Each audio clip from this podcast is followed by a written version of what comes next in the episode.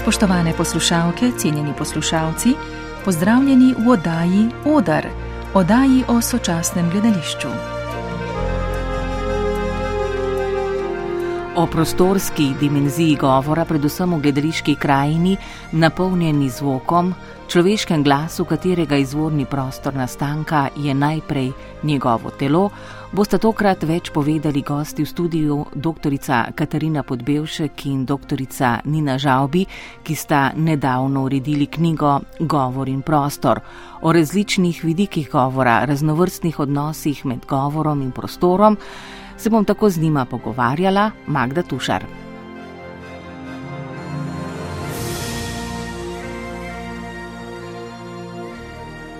Govor predstavlja interakcijo s svetom, je sredstvo razmišljanja, komunikacije, ki omogoča razvijanje socialne mreže med ljudmi. Denimo, jezikovno-govorni sistem je urodje ustvarjalnih procesov, s tem področjem se ukvarja tudi neuroznanost, denimo, v središču katere so raziskovanja zmožnosti možganov. O prostorjenju telesa kot izvoru govora, človeškem glasu in prezenci v spremenljivi odrski in filmski umetnosti skozi čas se bomo tokrat pogovarjali z dr. Katarino Podbevšek, ki predava teorijo jezika in govora na Akademiji za gledališče, radio, film in televizijo, raziskuje umetniški in neumetniški govor ter gledališko terminologijo. Predavateljica na Akademiji je tudi dr. Nina Žaubi kjer je predstojnica katedre za govor, prav tako se ukvarja z raziskovanjem umetniškega govora in poučuje govor in javno nastopanje. Govor lahko odmeva v zelo različnih, realno otipljivih prostorih, lahko je tudi neslišen prostor v skoraj nepredstavljivih dimenzijah, celo metaforičen prostor. O vsem tem lahko beremo torej v knjigi Govor in prostor doktorica Katarina Podbevšek, kjer je veliko zbranih prispevkov. Temeljna spodbuda ali pa idejni vzgib je bila pravzaprav selitev Akademije za gledališče, radio, film, televizijo v nove prostore. In za vse, ki delujemo na akademiji, je bil to zelo velik dogodek, pa zelo poseben dogodek, ker je akademija pač leta in leta si prizadevala dobiti več prostora za svojo dejavnost, ker smo se stiskali. In z novimi programi študijskimi je seveda to vedno bolj postajal uh, pereč uh, problem. No in lani, 2021, ne, smo se končno eh, preselili v novo stavbo in v njej seveda je skozi izobraževalni proces se je začel prostorjati tudi govor. Glede na to, da se naša katedra, katedra za govor, ukvarja uh, teoretično, raziskovalno in seveda predvsem praktično, pedagoško z umetniškim govorom, uh, se je ta naslov, govor in prostor tako rekoč ponudil kar sam. In um, ko sva razmišljali o temi, uh, sva nekako imeli v mislih različne prostore. Družbeni prostor, miselni prostor, uh, umetniški prostor, znanstveni prostor, razno razne medijski prostor, recimo. Uh, Eh, in se nam je zdelo, da je to nek tak krovni, krovna tema, ki bo lahko zaobjela različne uh, razprave. Torej, spreminjanje gledališkega stenskega prostora skozi zgodovino ima tudi vpliv na razvoj govora. Recimo, antika ima pokrožni prostor teatra, kjer seveda se govor razlega po tem prostoru. Srednji vek se seli na trge, k cerkvam, na ulice Elizabetinsko gledališče se preseli v prostor stavbe. Vsak prostor gledališkega denimo dogajanja sicer ni arhitekturen prostor oblikovanja govora, je, kot pravi že samo izhodišče krovne teme monografije. Lahko celo organski prostor govora, že naše telo je prostor antika, staro Grčijo poudarjeno razvija retoriko, glas in prostor gradita komunikacijo, naprimer do določenih ljudi, gojimo empatijo zaradi barve ali globine glasu do drugih, ne nekateri javni gledališki igravski glasovi, ozvočijo prostor, drugi malo manj. Um, ja, v bistvu nekako uh, govorno, igravsko razmišljamo o tem, da je že igravčevo celo en prostor govorjenja pa um, če izhajamo že iz možganov, en prispevek govori tudi o tem, in potem pravzaprav skozi celotno govorno cel, čez govorni aparat, naše telo tudi z dihom napolnjuje uh, govor kot tak.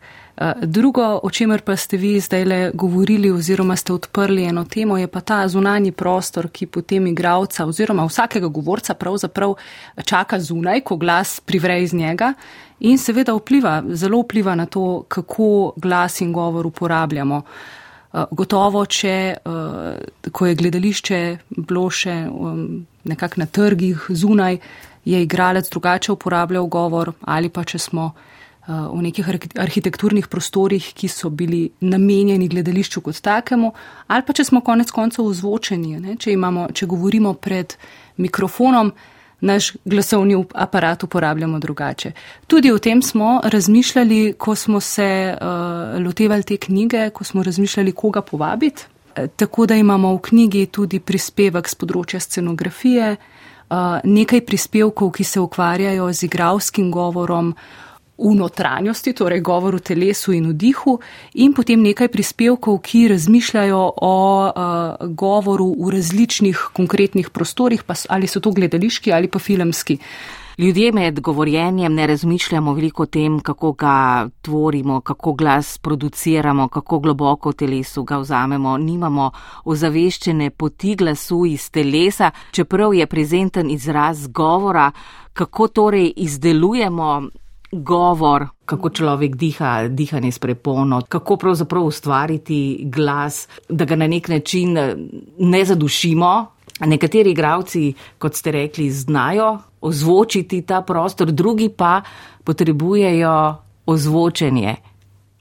Ja, na akademiji se že, že leta tudi, tudi s tem um, ukvarjamo, posebej ena od pedagogin, Uh, iz tega področja imamo tudi v tej knjigi en zanimiv prispevek, oziroma celo dva, uh, s tehniko Fitzmaurice, ki se ukvarja prav z govorili in s tem, kako z glasom, s telesom pomagamo napolniti naš govor, ga tudi v, prostori, v bistvu. Potem, pa, potem imamo pa tudi nekaj prispevkov, uh, ki pa se ukvarjajo z ozvočenim govorom, ne v bistvu v smislu, da je ta govor treba ozvočiti, ker ga ne znamo drugače, ampak je pač tak govor, govor pred mikrofonom. Ta prispevek je tudi zelo zanimiv, ker povezuje tako, tako novinarski govor kot politični govor, kot temo populizma, um, populističnega govora, nasilnega govora, nekaj, kar se mi zdi, da čemu se ne moramo v današnjem času izogniti in je pravzaprav nujno, da na to upozarjamo. Torej ne samo govor in dih kot tak, ampak tudi katero temo mi vzvočimo. Ljudje smo si v naših fizičnih zasebnih umetniških prostorih lahko blizu ali bolj narazen, tudi glede na to, kako prijetno zvenijo določeni glasovi. To je sicer posebno področje, bolj psihologije vredno. Človek in njegova barva, glasu, registr, intonacije tudi na radiju in televiziji povdarjamo, da mora človek, ki je javni govorec, opustiti značilnosti svojega narečnega govora. Najbrž to velja tudi za igravce, glede na to, da se ukvarjate na akademiji vedno več tudi z radijskim govorom. Ja, no, en, en prispevek, no, če se navežem na knjigo, ne govori prav o tem, pravzaprav neko uh, analizira avtorica uh, tale govor v TV nadaljevanki, primer inšpektorja Vrenka. Uh, kjer uh, je analizirala kritike tudi pravzaprav uh, te nadaljevanke, uh, in kjer je šlo za, za neskladje prostora in govora. V smislu, eh, da je bil prostor eh, štajerski in da govor ni, ni ustrezal temu prostoru. In kako so ljudje to sprejeli, kako so kritično pristopali do tega, ne? se pravi, to eno posebno razmerje, ki se tiče tudi seveda jezika ne samo govora, ne? ker moramo nekako ločiti. Govor je pač zvočna realizacija jezika. Ne? In zdaj šlo za zvrst jezika, ki je narečna ne? ali pa ni narečna ne? in ta je zmotila recimo določene gledalce. Ne? Eh, s tem se v akademiji seveda eh, ukvarjamo študijsko ne? oziroma mm, debatiramo z študenti tudi, ne, kako pravzaprav uravnava to, kako en igralec lahko govori v nekem narečju, ki ni njegovo narečje, recimo. Ne.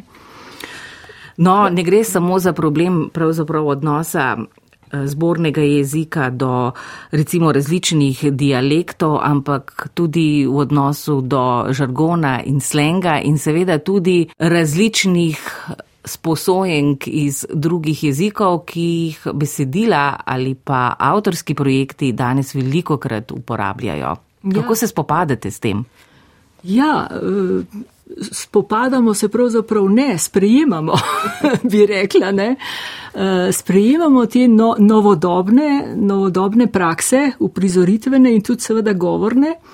Eh, ampak vedno seveda z nekim razmislekom, z neko argumentacijo, zakaj, zakaj se to uporablja in ali je to funkcionalno, ali ima to neko funkcijo eh, v določenem okolju, ki je lahko ali film, ali je gledališče. Ne. Eh, zdaj seveda pri filmu je malo drugače. Ne. Film vedno, ne, kot tudi avtorica tukaj v svojem prispevku govori, ne, je vedno mal več realizma, bi rekla. Ne, in film prenese uh, veliko več kot odr. Kljub temu, da imamo ne vem kakšne uh, nekonvencionalne uprizoritve, kljub temu film še vedno prenese več uh, tega. Tako da študenti pravzaprav uh, jih učimo tega razmisleka, kdaj je primerno in kdaj ni. No, gledališče je bilo pred leti seveda zelo besedilo centrično, če temu lahko mm. tako rečemo, dan danes je povsem drugače. Prisotnost besedila v gledališču se zdi, da je vedno bolj skrčena, vedno manjša. Manj pozornosti je namenjeno besedilu samemu, da nimo ponekod ukinjajo tudi lektorje ali lektorice. Novodobne gledališke prakse zahtevajo tudi novodobno uprostorjenje, verjetno težijo namreč k raznolikemu prepletanju, hibridizaciji, ki se dogaja na vseh mogočih umetniških polih že dlje časa. Kako pa bi opisali gledališko jezikovno hibridnost in glas kot nebesedilni efekt? Kakšno vlogo ima potem v teh hibridnih gledališčih glas? Seveda deluje na več nivojih, imamo tudi različne posnetke, seveda v predstavah, ki so lahko filmski, dokumentarni in tako naprej. Ja, se zelo strinjam, da je, gre za neke hibridizacije, hibridne oblike, tako jezikovno kot tudi na drugih področjih in tudi uh, glasovno govorno. Jaz bi rekla, um, mogoče se še navežem na tisto lektorsko, kar ste, kar ste omenjali, um, tudi po, po novejših prispevkih se meni zdi zelo blizu ta um, termin jezikovni svetovalec oziroma govorni svetovalec, ne toliko lektor, kjer v bistvu ne gre več za to prav na robe, ampak za ustrezno v enem kontekstu, torej v, v kontekstu cele uprizoritve. In v bistvu v kontekstu cele uprizoritve se mi zdi tudi zelo pomembno gledati na govor in na glas kot tak. Torej glas kot uh, nekak uh, prezenten, prezenten izraz govora, torej besedila, ali naprej napisanega, ali pa pač uh, konstrukta, ki ga ekipa pripravi za uh, to določeno uprizoritev. Uh, hkrati pa tudi glas kot nek negovor, negovorni, nebesedilni efekt, lahko tudi kot krik, lahko tudi kot izraz nekega občutja. V tem kontekstu pa potem tudi ta um, različnost, jezikovna različnost, hibridnost ni več tista ključna, torej ni ključna samo, ni ključno samo izražanje enih besedilnih oblik, recimo nekih dramatskih elementov, ampak tudi enih člove, človečnih, človeških občutkov. No, da nima prav vnos novih tehnologij v prizarjanje v različne predstave in v različne projekte, je prinesel nove govorne prakse. To smo seveda opazili nedavno v trajanju dveh let, seveda, koronavirusa. Še najbolj se mi zdi. Ja. Tako bi rekla, jaz, jaz sem tudi uh, avtorica enega prispevka v tej monografiji, ki se ravno s tem ukvarja, torej kako je koronavirus, temu se žal ne moramo izogniti, ne te analizi, uh, kako je koronavirus vplival uh, tudi na gledališko prakso, tudi na govorno prakso in pravzaprav uh, takrat v prvem valu, tako imenovanem, uh, so šla gledališča zelo hitro, so v bistvu reagirala v tej situaciji, da so postavila neke zadeve na splet. Uh, temu bi jaz rekla, ena vrste korona gledališče, ki je najprej celo vzelo ene prakse zelo nenavadne, um, kjer ni bilo ločeno samo občinstvo in pa uh, ustvarjalci, ampak so bili tudi ustvarjalci ločeni med sabo. Tako da so bili neki poskusi tako imenovanega zoom gledališča, ko so bili igravci vsak posebej pri sebi doma, so postavili neke uh, kamere, vzeli so si celo svoje rekvizite, tiste, ki so jih pač imeli, sami so se kostumirali in tako tudi uporabljali glas. Uh, zanimivi so bili razno razni prekrivni elementi, uh, ker je nekdo imel boljši internet, nekdo slabšo povezavo, glasovi so se prekrivali, nekje so potem bile razne zvočne uh, nijanse upadanja glasu, nekateri so imeli zelo dobro povezavo, torej en glasnejši, en tišji.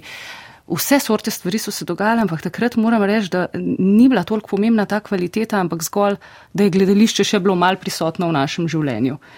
Zdaj v drugih valovih je bilo potem drugače. Ne? Smo gledali tudi kakšne streaminge, predstav, ki so bile sicer uh, že potem profesionalno snemane, bi rekel, vsa ekipa je bila v, v nekem istem prostoru, gledalec pa doma. Ampak spet, ne, spet se tukaj sprašujemo, a je to potem gledališče, a je film, a je nekje vmes, a je to hibridizacija. Um, jaz bi rekla, da so tiste predstave, ki so bile narejene posebej za to, ali pa so naredile zelo dober, dober prenos, uh, so funkcionirale dobro, tiste, ki so bile pa samo posnete, pa smo imeli streaming, pa malo manj. Pač gledališča in ustvarjalci so se znašali v zelo hudi in nepričakovani situaciji in naredili najbolje, kot se je v tem kontekstu dal. Gledalci smo bili pa tudi hvaležni, da smo vsaj nekaj dobili.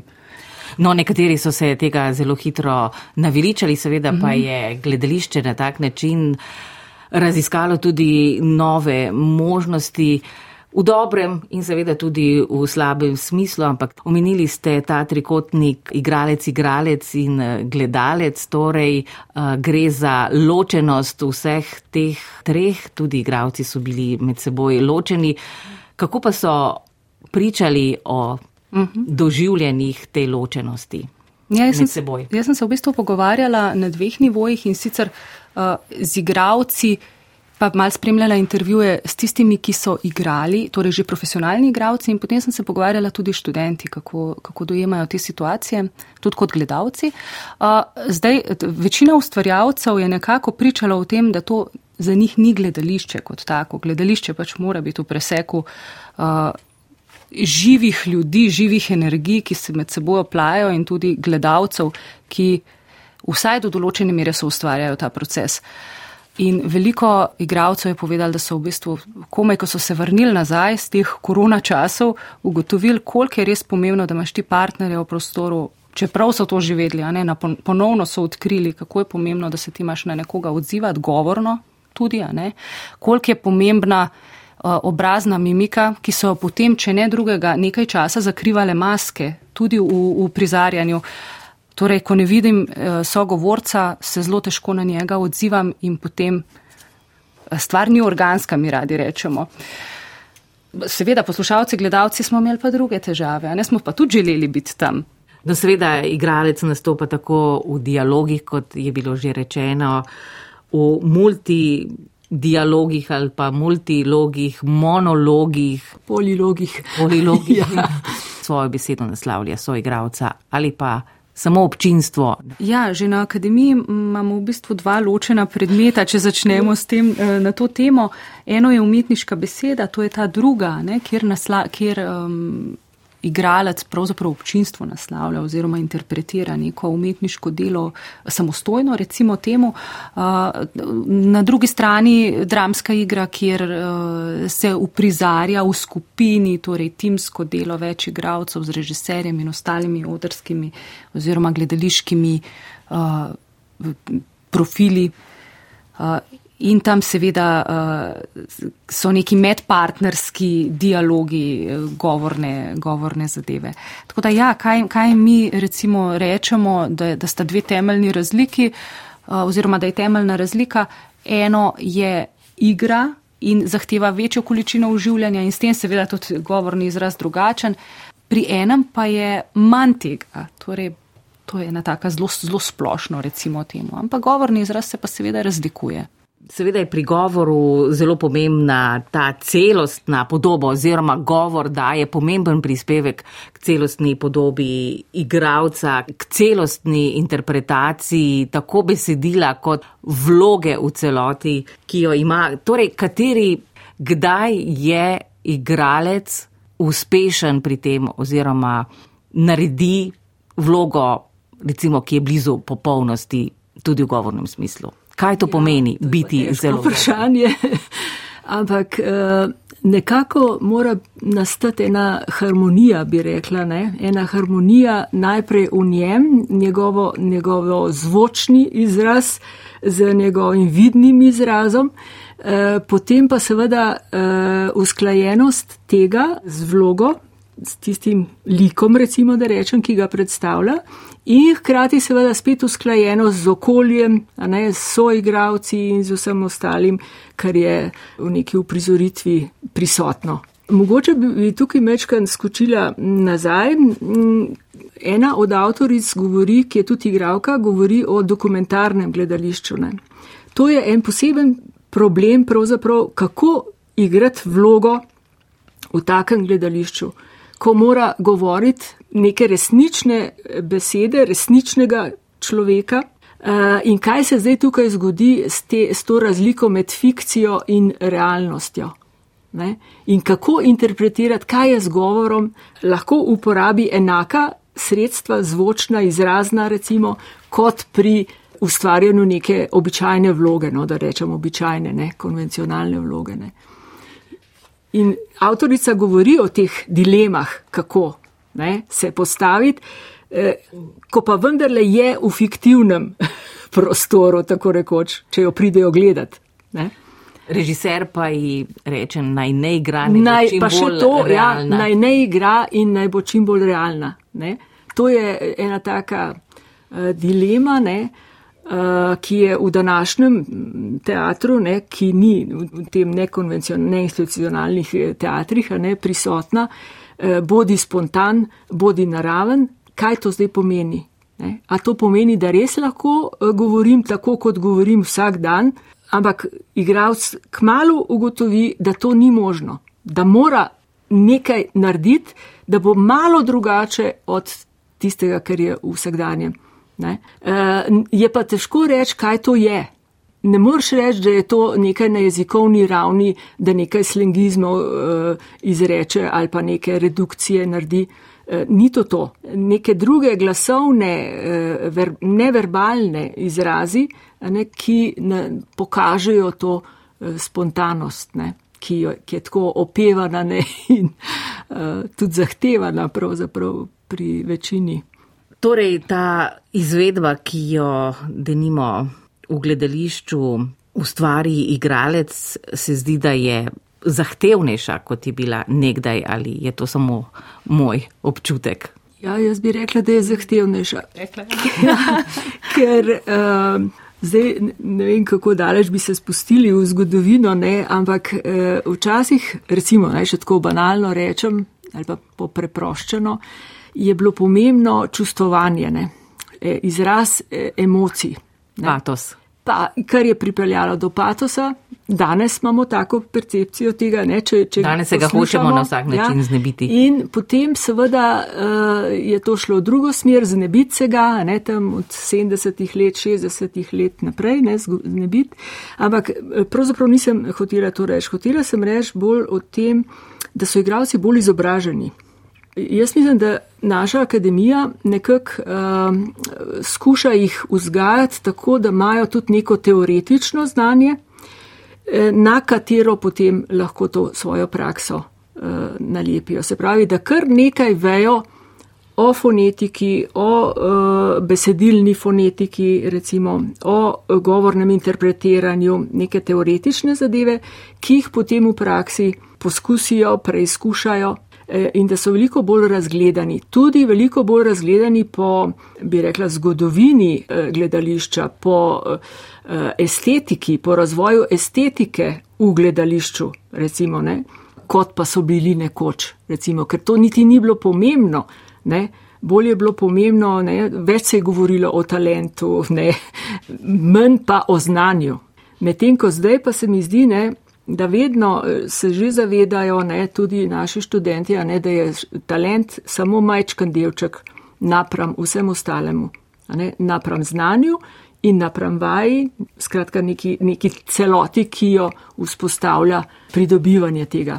Bi mogoče še dodala, da poleg tega se mi zdi, da je še, ena, še en element tega, da je to težko danes, eh, tudi to, ta mnogozvrstnost, ki ste jo vi prej omenjali, um, hibridnost, ki, um, če imamo mi recimo nek zborni tekst, v zbornem jeziku, je veliko lažje biti jasen, biti razločen, biti artikuliran, biti prezenten. Eh, ko pa dobijo nek tekst v različnih hibridnih zvrsteh, tudi iz nekih krikov in podobnega, eh, je pa potem, eh, zahteva je pa seveda naravnost. Mm. Je pa težko potem združevati to naravnost, pa hkrati artikuliranost, to, čemer smo rekli, da so bili pa recimo stari igravci, mojstri Tako da imamo res dve uh, težko krmarijo uh, igravci in tisti, ki so odlični govorci, to naredijo uh, med tema dvema. Seveda je treba upoštevati tudi, kar se tiče samih besedil, same literature v gledališču, tudi seveda zvrstnost, se pravi dramatika, poezija ali pa interpretacije, da nimo nekega romanesknega teksta. Ja, kakšna navodila date igravcem na akademiji? ne vem, če damo kakšna splošna navodila. Ne. Neke smernice seveda dobijo, ne, kako eh, govoriš dramski tekst, kako poezijo, kako prozo, ne, neke smernice ja. Ampak v načelu se pa te stvari vedno delajo konkretno, s konkretnim besedilom, ker je vsako besedilo eh, tako eh, unikatno, ne, da moraš ti pristopati na individualen način do vsakega besedila. Ne. Tako, in ga tudi postaviti v neko prostor seveda, in okoliščine. Seveda tudi to, tudi to. Ne. Če dobimo recimo, ne vem, včasih dobimo kakšno ponudbo, naj izberemo enega študenta, da bo šel recitirati ne vem kam, ne, na univerzo, na kakšno prireditev, ne. so to čist drugačne okoliščine, ne, kot če bi eh, pripravljali to poezijo, ne, recimo za eno umetniški večer, ne, ki bo uh, v nekem drugačnem okolju. Ne. No, v različne smeri se je seveda razvilo tudi ljudkovno animirano gledališče, gledališče kot zdaj radi rečemo animiranih forum. To igravstvo je tudi zelo zahtevno veliko krat, ker podajaš vlogo prek recimo temu nekega objekta ali preko neke druge forme. Tam se še posebej, recimo, glede na to, da je veliko krat prisotna otroška publika, zelo pomembna ta jasnost govora. Ja, pa ne samo jasnost, ampak eh, kako bi rekla, dramatičnost, plastičnost, eh, živost, reliefnost, ne rečemo mi radi eh, govora. In tukaj pravzaprav funkcionira samo ta zvočni del, ne? ker igralcev manjka večinoma, no, vse so kakšne tudi lahko ne, ampak večinoma manjka ta neverbalni, ta vizualni izraz. Ne? In mora samo z glasom pričarati tisto, kar bi sicer še dopolnil z neverbalnima. Ne? Podobno v radijski igri, ne?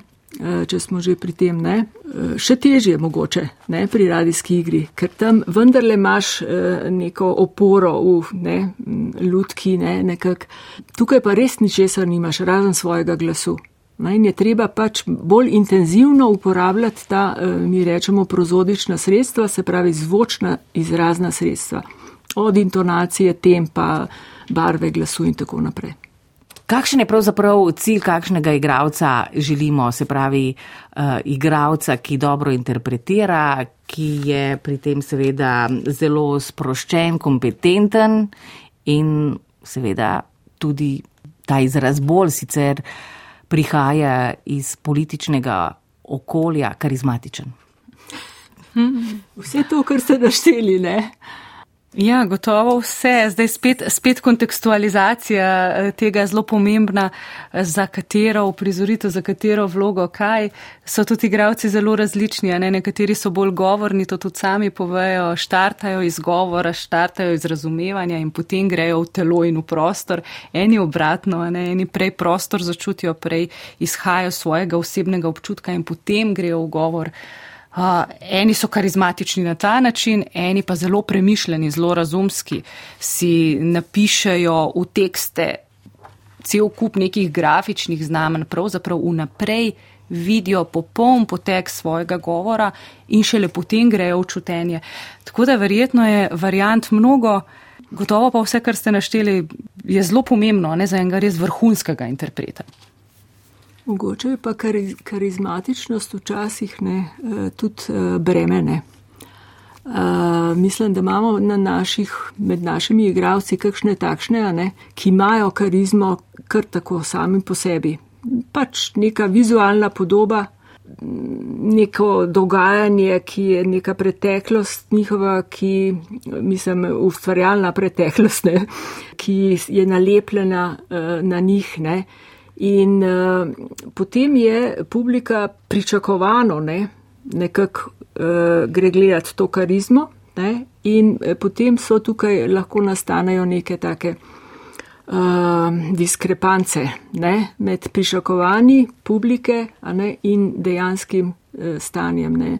Tako da igravca lahko to kdaj tudi mal obremenino pravzaprav. Ampak večkrat uh, se recimo na naših sprejemnih izpitih znajdejo ljudje, ne, ki, za katere bi rekli, no ta pa morda pa res ne ker lahko našteješ pomakljivosti, ki jih ima. Ne? E, od e, recimo glasu, ki ni primeren, ali po višini, ali po moči, ali kako drugače, po barvi recimo, ne? E, ali po kakšni izgovorni pomakljivosti, ne? da ima kakšne šušljanje, sesljanje ali kaj takšnega. Ne? Ampak včasih ne, se da z delom ne, in z ustrajnostjo, z vajami tudi doseči, da tak mm, začetnik ne, potem doseže neko stopnjo, ne, morda včasih ne, to večkrat rečemo, celo preseže tistega, ki je vstopil v ta svet z velikim talentom in smo ga vsi prepoznali, ampak ta talent potem ostane tam, kjer je, ga ne razvija, medtem ko ta, ki je pa iz, tako iz nič začel, zelo slabo podlago, da tako rečem, izhodiščem, pa lahko zelo, zelo visoko pride, z nekim ustrajanjem, vajami, zaupanjem vase, ampak seveda tudi z nekimi okoliščinami, ki mu omogočajo, da, da vse to razvija. Ne, ker ni vedno, ne pride vedno vsak igralec v pravo okolje, ko gre z akademije, ki bi mu omogočilo, da bi še naprej se razvijal. Ne, to je pa tudi en trenutek tak. Ne. No, zelo zanimivo je, da jeziku v šolah, tako na elementarni osnovni ravni, kot na nivoju srednjega izobraževanja, ne posvečamo veliko pozornosti in to se veliko krat kaže tudi kot manjko v nastopanju kjerkoli, ne le v gledališču. Kako je zdaj s tem, recimo zadnja leta, se pravi izobraževanjem fonetičnih vsebin? Ja, jaz moram reči, da sem kar um, optimistična. Bom rekla, da se mi zdi, da v zadnjem, recimo, desetletju se le stvari predvsej v dobro smer spreminjajo. Seveda, ne so tudi individualno, uh, individualno različne glede na posameznega profesorja, učitelja. Ampak vsaj, kar se tiče javnega nastopanja, so se stvari dobro premaknile, se otroke pravzaprav že od malega, moram reči, od vrtcev spodbuja k enemu sproščenemu javnemu nastopanju, po korakih počasi in se potem pride tudi do te fonetične ravni, eh, ki pa ne more biti na začetku. Eh, včasih starši povedo, da, da že dobijo v eh, prvih razredih osnovne šole zelo natančna navodila, govori zborno, govori jasno, bodi prezenten in podobno. To seveda ne gre, ne? je treba iti po korakih. Študentje zadnjih let pa tudi povejo, da um, imajo vse boljše izkušnje tudi pri pouku slovenščine, da se naučijo tudi enih osnovnih eh, načel fonetike, eh, prezentnega javnega nastopanja, tudi neverbalne komunikacije, kar se mi zdi zelo fajn, da tudi govorijo o glasu, o eh, prozodičnih sredstvih, ki jih je kolegica že omenjala. Tako da se, se kažejo eni dobri trendi, ki pa kot rečeno so pa, so pa vseeno zelo, zelo različni. Ne? Nekje je zelo dobro, nek, nekje je manj. V učnih načrtih pa stvari so vključene, tako da možnosti so. No in če zaključimo, končamo to odajo odar z naslovom Govor in prostor, kot je naslov tudi knjige doktorica Katarina Podbevšek in Nina Žalbi. Govorimo seveda o najrazličnejših prostorih. Bi lahko zdaj le sklenili, za katere prostore v telesu, izven telesa, v recimo nekem arhitekturnem, urbanem prostoru ali izven njega govorimo na prostem. Torej, o katerih prostorih vse ste razmišljali v tej knjigi? Uh, ja, no, malo smo že prej nakazali, a ne kaj. Torej, nekako uh, tudi uh, poglavja so nekako tako zasnovana, ne, da se začne pravzaprav s tem notranjim prostorom v človeku, v možganih, ne, kjer je pravzaprav ta, bi rekla, pravi dom uh, govora z dihom ne, in tako naprej. Ko pride iz telesa ta govor, ne, pa si poišče nek prostor. Ne. Potem smo šli na ta umetniški prostor, na, na jezikoslovni prostor, ne, recimo kako se v jeziku kaže prostor, eh, kako prevajalec se ukvarja s prostorom in govorom, kako prenesti iz nekega prostora, ki je popolnoma tuj, ne, v, v naš prostor. Potem eh, recimo zanimivo je bilo ta razprava o, o stripu, ne, kako v stripu, se pravi v nekem likovnem m, mm, okolju, pokazati govor, ne, kako v teh govornih oblačkih lahko nakažeš marsikaj. Ne. Človek si ne bi mislil, da lahko toliko nekih govornih prvin eh, nakažeš z različnimi oblikami črk, z nekimi znameni, eh, piktogrami, ne, z različnim tiskom. Koliko tega lahko nakažeš, likovno tudi. Potem smo malo govorili tudi, oziroma je razprave govorijo o tem družbenem prostoru, En prispevek govori o fašizmu, recimo, ne, ki je zelo takšen, aktualen, pravzaprav na nek način. Uh, ne, sicer govori o Brehtu, o njegovem uh, pojmovanju teatralnosti v, v fašizmu. Ne. Uh, ampak vendarle, vsi te elementi, ki so tam omenjeni, recimo, bi jih lahko prepoznali tudi v, v sodobnem uh, izrazu, ne tem družbenem ali pa političnem, no, če tako rečem. Ne. No, lahko govorimo tudi o prostoru, ki ga pravzaprav gledališče šele ustvari. Recimo, eh, govorimo mm -hmm. o tako imenovani gravitacijski umetnosti Živadinova, denimo se pravi, ves prostor je ustvarjen, čeprav seveda biva v nekem širšem vesolnem prostoru oziroma je van umeščen. Tam se pojavijo tudi drugačni zvoki, ki pa jih ne moremo srečati nekje druge. Ja, ampak tako zanimivo je, ne, zdaj, če govorimo o realnem prostoru, ne pa o umišljenem prostoru. V bistvu v gledališču ustvarjaš umišljeni prostor, si ga izmisliš in ga narediš. Medtem ko to vesolje pa je naravni prostor, ne, je naravni, čeprav je tako oddaljeno, tako neskončno, ne, da ga pravzaprav ne dojemamo ne, čisto kot realnega, ne takšnega tridimenzionalnega. Ne. Uh, tako da ne, ne vem, kako se bo to uh, razvijalo in kakšen pravzaprav, kaj bo s človeškim glasom se tam dogajalo, kaj se sploh lahko dogaja s človeškim glasom. Ne? Na kaj pa največkrat ne pomislimo, ko govorimo o pomenih uprostorjenja, denimo telesa ali samega prostora? Tudi to je neke vrste nov izraz. Uprostorjenje. Ja, mi smo ta izraz uprostorjenje tukaj uporabljali pravzaprav za čisto vse prostore. Uh, mislim, da ko, ko rečemo prostor, si ponovadi nekaj zelo fizičnega predstavljamo torej prostor, v katerem se jaz nahajam kot človek, kot oseba, kot moj glas.